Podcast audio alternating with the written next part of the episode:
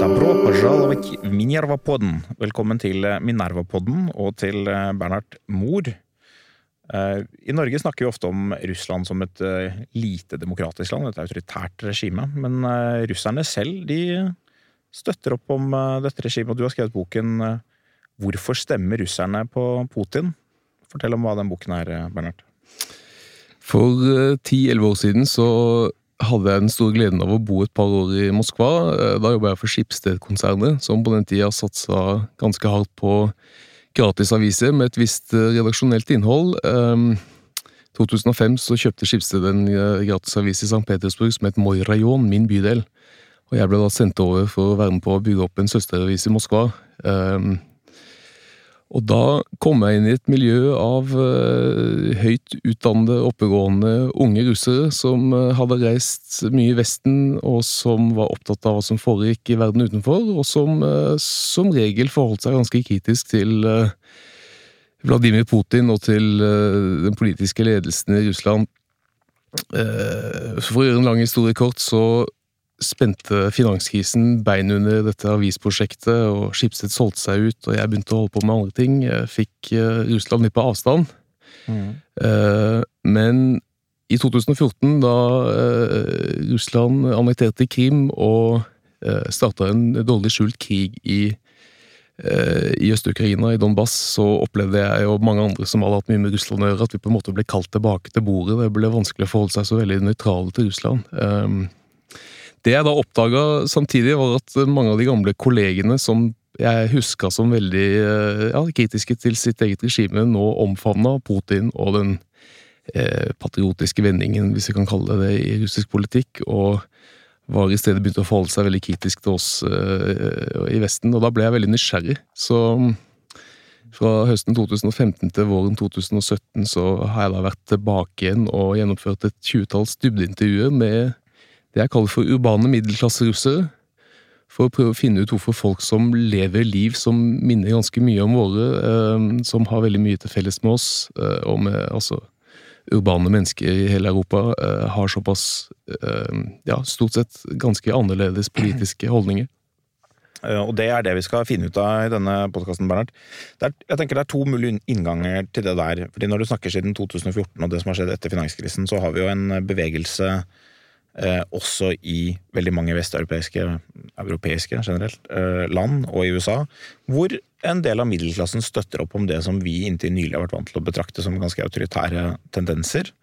Eh, eller populistiske tendenser. Eh, så, mm. og hvorav noen eh, i hvert fall har et opplevet slektskap med Putin. Mens noen kanskje ikke har det. Men, men noen identifiserer seg i noen grad med Putin og ser ham som en en tydelig og sterk leder med et nasjonalt sinnelag og en forsvarer av den vestlige kristenheten. Så det finnes jo et annet spor, og det er et lengre spor som er, går tilbake til sovjettiden. Både med røtter i sovjettiden og med røtter i den kaotiske tiden som fulgte Eh, og en del av dine informanter, om vi skal kalle dem det, de, de snakker jo mye om, eh, de, de, eh, om, den russiske historien, naturlig nok. De anlegger ikke først og fremst et komparativt sosiologisk perspektiv. Så de snakker om sin egen historie. Og hva, kan vi snakke litt om den transisjonen? Hvordan har vært den russiske opplevelsen av tiden fra si glasnost og perestrojka og den optimismen som var fra slutten av 80-tallet, vært? Det, det, varierer selvfølgelig etter hvem du snakker med, men mange av mine informanter de snakker jo om eh, 90-tallet særlig som en kaotisk og vanskelig tid. Da eh, Altså, flertallet av informantene mine er født på slutten av 60-tallet og på 70-tallet, tidlig på 80-tallet. og Flere av dem opplevde jo da at foreldrene deres, som hadde hatt faste, trygge jobber i 20 år, Eh, enten mista jobben eller mista inntekten. Altså, eh, en av kildene mine, Olga, som opptrer i det første kapitlet, hun uh, forteller om sin far som hadde jobba ved et høyt ansatt, ansett forskningsinstitutt. Måtte jobbe som sjauer rett og slett for å tjene penger. Eh, jeg var i Russland første gang i, 1999, rett etter uh, rubelfallet, som begynte i august 98, da Russland var inne i en alvorlig økonomisk krise. Jeg husker også, også selv at uh, altså, horder av eldre folk som sto ved T-banestasjonene og tigga eller solgte det lille de hadde. Mm. Men da jeg bodde i Russland i 2006 og 2007, så var jo 90-tallet mye, nærmere, eh, og jeg opplevde jo ikke da at folk snakka så mye om den perioden, og eh, det, var, det, er jo helt utvilsomt slik at eh, eh dyrkingen av 90-tallet som et eh, slags sånn eh, bilde på dit man ikke vil tilbake, koste hva det koste vil, det er blitt mye viktigere i russisk offentlighet i dag enn det det var den gangen. Mm. Jeg kan utfordre deg litt, eller jeg tror vi snakker om to, to ulike grupper i Russland. og det, det, du snakker om som er ganske interessant, og som er, eh, som er en slags interessant påminner til oss selv her i Vesten, og en, noe man kan ta med seg når man skal vurdere hvordan ting utvikler seg her. Det du snakker om, er altså de urbane intellektuelle, egentlig. Akademikere, folk som har å gjøre med mediene og Eh, og forlagsliv og aviser og sånn? Ja, men, ja, men også litt mer. Altså, det som jo skjedde fra altså I 2000 så snudde jo den russiske økonomien. Da gikk mm. man inn i en periode med voldsom vekst, drevet av høy oljepris, stigende oljepris. Um, hvor vestlige selskaper begynte å investere mer og mer, eh, og særlig innenfor eh, altså, eh, Hva er det man kaller det for noe? Fast moving consumer goods osv. Alle fra, fra mm. Coca-Cola til Ikea til Oshan ville inn i Russland. Mm. Så mange av kildene mine er jo også Jeg vil kanskje ikke kalle dem for det er ikke Nei, det nødvendigvis avisredaktører Nei. og intellektuelle. Det er, det er folk, som gjorde karriere i kommersielle yrker, og som fikk en, en uh, disponibel inntekt som begynte å minne om, om ikke skandinaviske nivåer, som er sånn sentraleuropeiske eller sydeuropeiske nivåer. Men, men, det jeg ville frem til var, for Jeg har jo også da, kan jeg avsløre for, for lytteren, bodd i Russland ved flere anledninger, men litt tidligere. altså Fra 2000, jeg var der første gang i, i 98 eller 99 kanskje, og så har jeg vært der fremover. Og, og deler jo da den opplevelsen. Første gang jeg var der, så var det jo da uh, kaotisk. Jeg ble blant annet ranet og banket opp av politiet, som ikke fikk utbetalt lønn fordi staten var bankerott, og det var en helt alminnelig opplevelse den gangen. Det er klart at det var et, et ganske kaotisk samfunn. Uh, men jeg opplevde jo også at det var en uh, At ordet demokrat, det husker jeg særlig da jeg bodde der i, i 2002, tror jeg det var, var begynt å bli et skjellsord. Mm.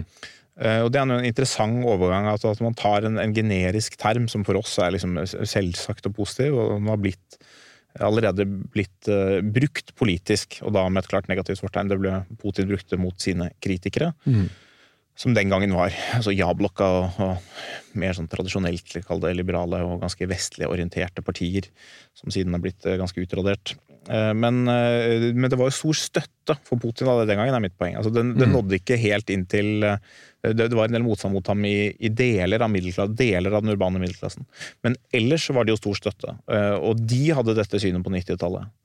Eh, allerede den gangen. Så det som jeg opplever kanskje har skjedd siden 2009, finanskrisen, og, og for treåret etter, etter Krim i 2014, er at denne nasjonalistiske og historie dels historierevisjonistiske og dels vektleggingen av historiens eh, også reelle traumer er blitt sterkere og mer samlende for, for Russland kanskje etter eh, særlig 2014. Jeg vet ikke hvordan du vurderer det?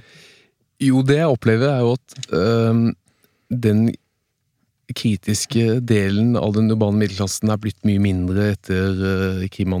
Altså at veldig mange uh, byttet side, hvis vi kan kalle det det, og stilte seg bak uh.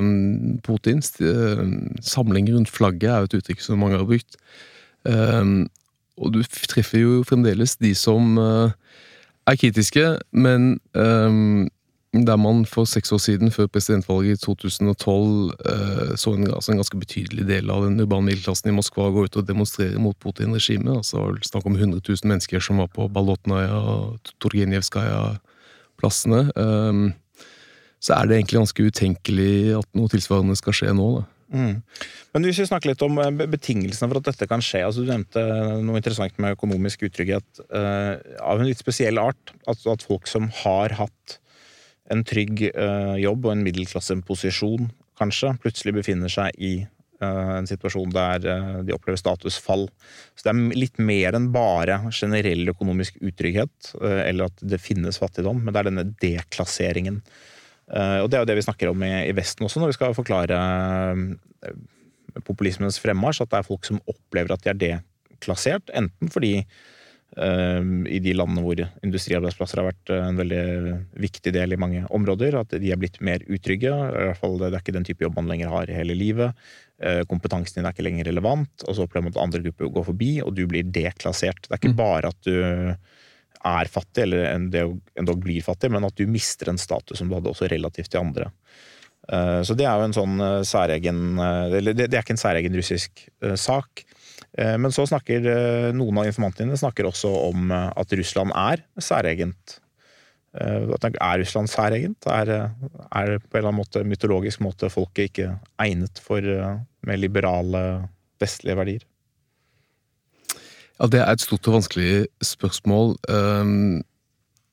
Det er jo Eh, faktum er jo at er, eh, Russland har relativt svake demokratiske tradisjoner. Det er jo få perioder i russisk historie hvor man kan snakke om et uh, fungerende demokrati, altså i den forstand at man hadde reelle valg på politiske ledere, f.eks. Men de periodene finnes jo. Veldig mange av informantene mine sier jo nettopp det at Russland har klart seg aller best når man har hatt en sterk leder. og Eh, vårt vestlige liberale demokrati passer ikke på et land som er så stort, uh, osv. Så, uh, Men, men altså, det finnes jo perioder i russisk historie hvor øh, demokratiske idealer har vært viktige for mange. altså F.eks. etter februarrevolusjonen i 1917 frem til det kommunistiske kuppet på høsten samme år så vil jo noen mene at, at Russland var et, eh, et altså, Demokratisk fyrtårn er kanskje å ta hardt i, men landet var jo et av de første som, eh, som ga stemmerett til kvinner, f.eks. Ja.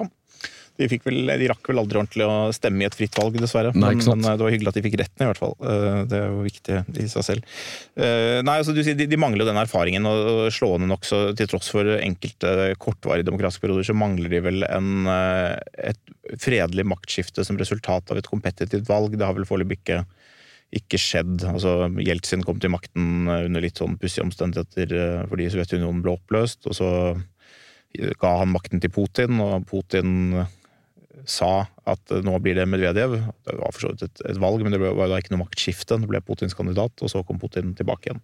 Og det var jo folk som tilhørte den, det, det, samme regimet, den samme grupperingen. Mm. Og slik man, sånn som det ser ut i dag, så er det jo vanskelig å forestille seg at det nåværende regimet vil altså trekke seg etter, et, etter en reell politisk prosess hvor alle blir invitert inn til å være med, det, det er vanskelig å forestille seg. Mm. Men det det, det, som er interessant med denne type regimer, at de er, de er, på en måte stabile, og i en viss forstand eh, noen ganger mer stabile enn mange alternativer, så lenge de er det. Dette er liksom når man sier sånn eh, Politikere sier 'han har min fulle tillit'.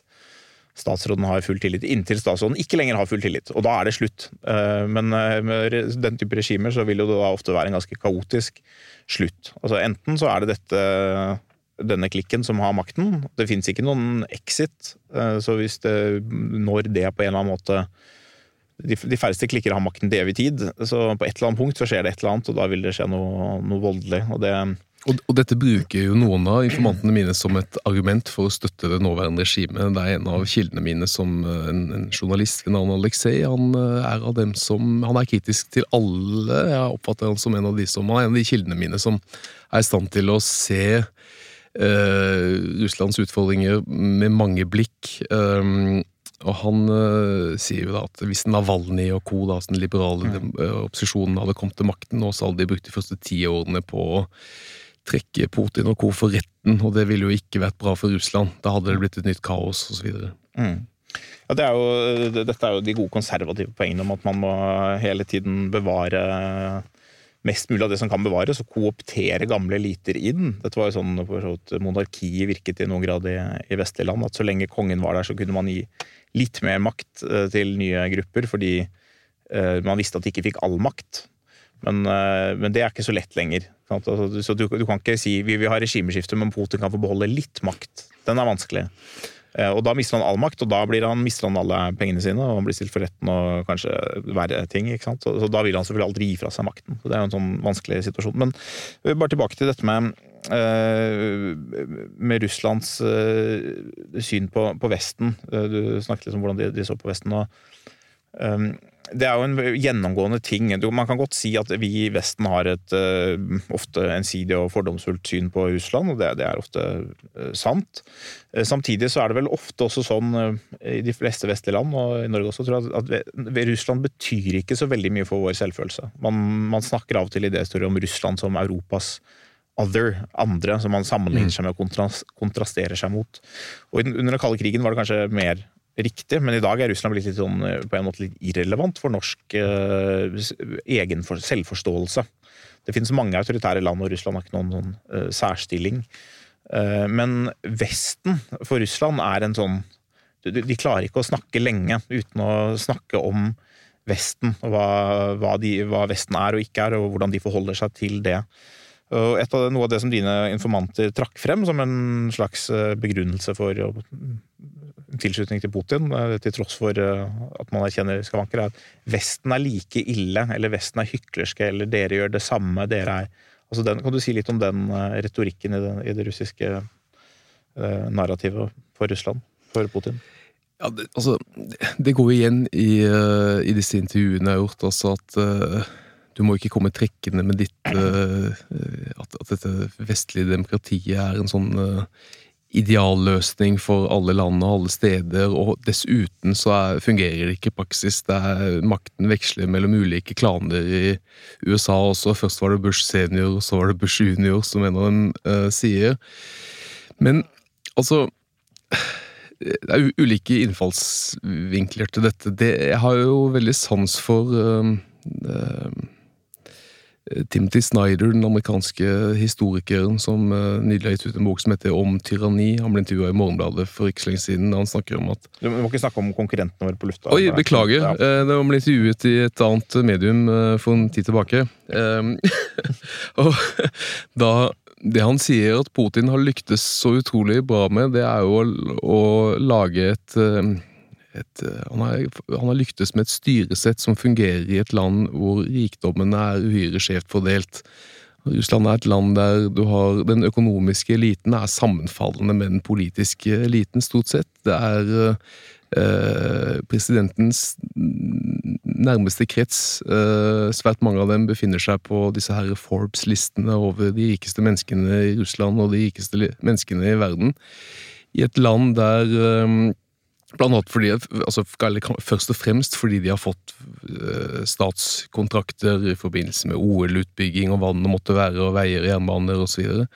Um, og i et land der uh, det er slik altså at den politiske eliten sitter på store deler av landets rikdommer, så kan man jo ikke se for seg noe utvik, altså noen, noen, noen uh, politisk utvikling.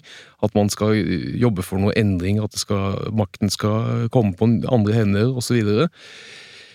Hvordan skal man få da den befolkningen som eh, hvor de aller fleste er fattige til å akseptere dette her. Eh, og der, eh, da har man lyktes med å få aksept for en fortelling som har to komponenter. Det ene er at Russland står for andre verdier enn Vesten, for, en, for mer moralske verdier, mens Vesten er prega av dekadanse. Og det andre er at alle lyger. Mm. Altså, øh, ja, det er mye feil med våre egne ledere. Ja, det er korrupsjon hos oss, øh, men se på dem. Det er minst like ille, ille der, og, og, og øh, Ja, we are perhaps sons of a, a, bitch, but we're your son of a bitch. Altså, det er den retorikken som, som, har, som kommer fra Kreml, og den blir akseptert i samfunnet. Mm. Det er en interessant forklaringsmodell. Um, så kritikk av Når jeg da kommer med min, min vanlige kritikk uh, Den typiske kritikken av Russland om at menneskerettigheter brytes, at landet ikke er en rettsstat osv., så, videre, så ble jeg veldig ofte møtt med svar som går ut på at ja, men det er nå like ille der borte hos dere. Mm. Dette er jo en velkjent strategi, men også en velkjent holdning og forståelsesramme fra sovjettiden. Det var Veldig ofte var svaret ikke at vi ikke har gjort noe galt, men at dere er, er like ille. Og jeg lurer på om en av de feilene man uh, jo, har gjort, uh, og, og, vi gjør i vår egen selvforståelse, er nettopp at vi, vi, tror vi er bedre enn vi er. og konfrontert med at vi ikke er det, så blir vi av og til nesten svar skyldig. Altså, det er sant at det er korrupsjon her. Det er sant at det var Bush senior og så Bush junior. Ikke at det var korrupsjon. Det er sant at det er politikk i amerikansk høyesterett, og at man kan se avgjørelsen som ga Bush-valget i 2000 i lys av det, f.eks. Det er sant at det er korrupsjon, det er sant at det er milliardkontrakter i, i Forsvaret i forbindelse med Irak, at det var tette bånd mellom Cheney og andre. Alt, alt, dette er sant. Det er sant at det er en relativt stor grad av eh, ensidighet i mediene. I noen grad. Og at eh, ingen respekterer folkeretten, det kan vel kanskje ha noe med å gjøre at uh, USAs Weapon of Mass Destruction-spill i 2003 når det gjaldt Irak. Ja, ikke sant. Og folkeretten og det, alt dette er sant. Så Jeg tror noe av det uh, som er Problemet er at hvis man sammenligner med er det, holder vi idealene, så, så kommer vi veldig fort tilbake til hvem som kan kaste den første stenen. Eh, jeg tror det er mer interessant når man diskuterer med russere å holde seg til en helt sånn minimumsdefinisjon av demokrati. Som ikke er fins det korrupsjon, fins det maktklikker, fins det grader av eh, politisk konformisme og sånn. Men spørsmålet er fins det reell fredelig konkurranse om makt. Eh, og så lenge de gjør det, så, så vil det også finnes et, reelle meningsforskjeller som kan diskuteres. Det betyr ikke at, ikke, at man at man slipper til alle på hva skal man si, på, på, akkurat samme premisser i offentligheten. At vi behandler en nazist og en kommunist og en sosialdemokrat og en liberaler på, på nøyaktig samme måte, f.eks. Det gjør vi selvfølgelig ikke. Men, men, men det fins det, det, er usikkerhet knyttet til hvem som skal vinne valg. Og når noen vinner valg, så skjer maktskiftet fredelig. Det, det, er det som både aldri skjer i Russland. Det er aldri usikkert hvem som vinner valg. Nei, for det er jo ikke noe fungerende sånn som det er i dag. så det er, det er jo ikke noe fungerende hva skal vi si, politisk spill. Um, altså, For å ta et eksempel. Um, nå er det altså presidentvalg i Russland i mars. Uh, og da, nå nylig så gikk jo da TV-programlederen Ksenia Savtsjak ut og sa at hun ville stille i valg.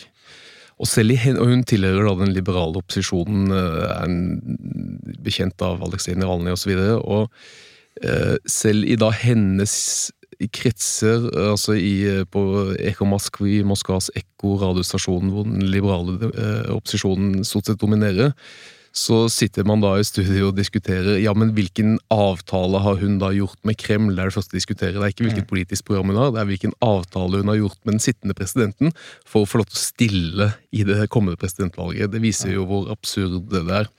Men altså, eh, jeg mener jo det er viktig å ta, ta debatten og stå opp altså, Man må ikke akseptere den her relativiseringen som russere, eh, Russland ofte driver med, både på politisk hold og blant disse informantene mine. Da.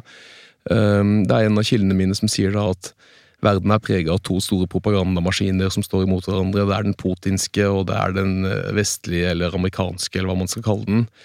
Eh, og min bakgrunn er jo fra mediebransjen. Jeg har jobba som journalist i flere av de største mediene i Norge. og det er jo ikke det, det, samme man driver med der som det man driver med i de statseide mediene i Russland, hvor man egentlig ikke lenger driver med journalistikk, men man, man er ledd i en sikkerhetspolitikk. Altså Det handler ikke om å rapportere hva som er skjedd i verden, det handler om å rapportere Kremls, eller gjengi Kremls øh, definisjon eller bilde på hva som skjer i verden.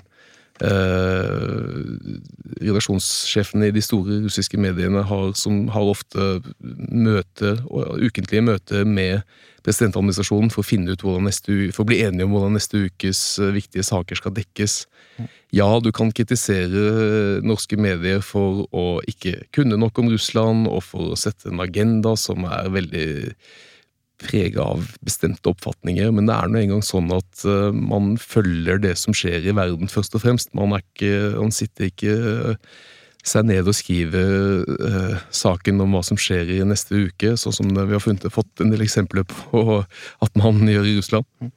Men den kritikken som russerne retter mot vestlige medier og, og styresett og, og sånn, den kan jo av og til minne om den kritikken som kommer fra Eh, særlig da den nye nasjonalt orienterte høyresiden, hvis man skal bruke det grepet. Mm.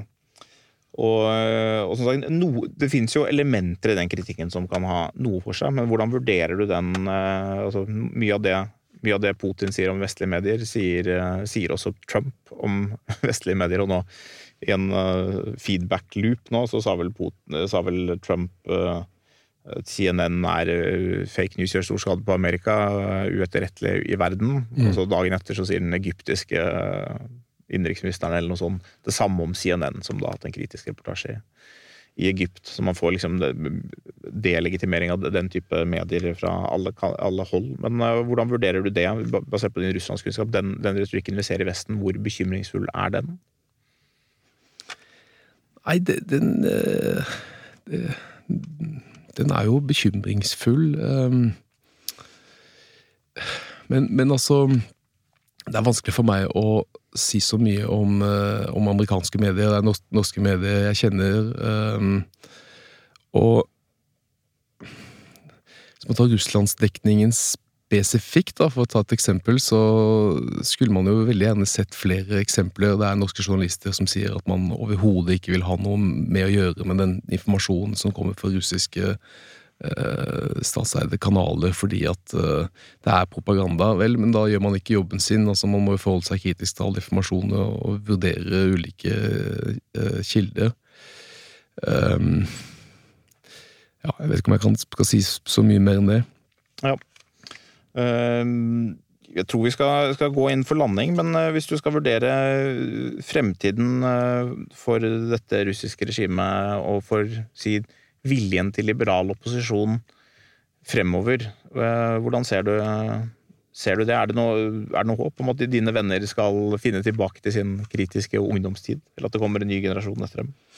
Jeg har en del ulike perspektiver på det i boka. Ehm, på kort sikt så, så oppfatter jeg situasjonen som ganske låst. Altså at den politiske debatten i Russland den finnes nesten ikke. Altså den, den ehm, Så det man jo kan se for seg vil skje, er jo at eh, Putin fortsetter som president, at han kanskje finner en etterfølger som skal ta over på et eller annet tidspunkt, som blir, eh, blir forberedt på å ta over den rollen. Um, men vi som har lest russisk historie og, og, kjenner landet, vi vet jo at ting endrer seg veldig fort. Um, jeg kan jo bare avslutte med en litt sånn, på litt sånn anekdotisk måte. Det er en av kildene mine, en, eh, en ung mann som jobber i et av de store revisjonsselskapene eh, i Moskva, som er en, en skikkelig sånn eh, arbeidsnarkoman. Når han skal koble av fra jobben, så setter han seg ned og så skriver han dystopiske noveller om hva som skjer i Russland den dagen Putin forsvinner. Da ser hun for seg at det kommer til å bli et, eh, en slags elitenes borgerkrig, hvor eh, FSB-miljøet vil stå opp mot hæren, og så vil du ha en fløy nede i Donbass, for der er det masse våpen i omløp. og folk er, Lederen der er ikke spesielt fornøyd med den støtten de får fra Moskva for tiden. Så eh, jeg tror vi skal si det så enkelt som at det kommer til å bli spennende. Det er spennende. Da får du følge med. Takk til eh, Cappelen Dam, som har stilt med studio. Takk til tekniker Jakob Kippersund Nesdal. Og jeg anbefaler alle å kjøpe boka, som er en av svært få som har fått positiv anmeldelse av Minervas anmelder Pål Mikkeltveit. Bernhard Moe, takk for at du kom med i podkasten. Takk skal du ha. Minerva-podden.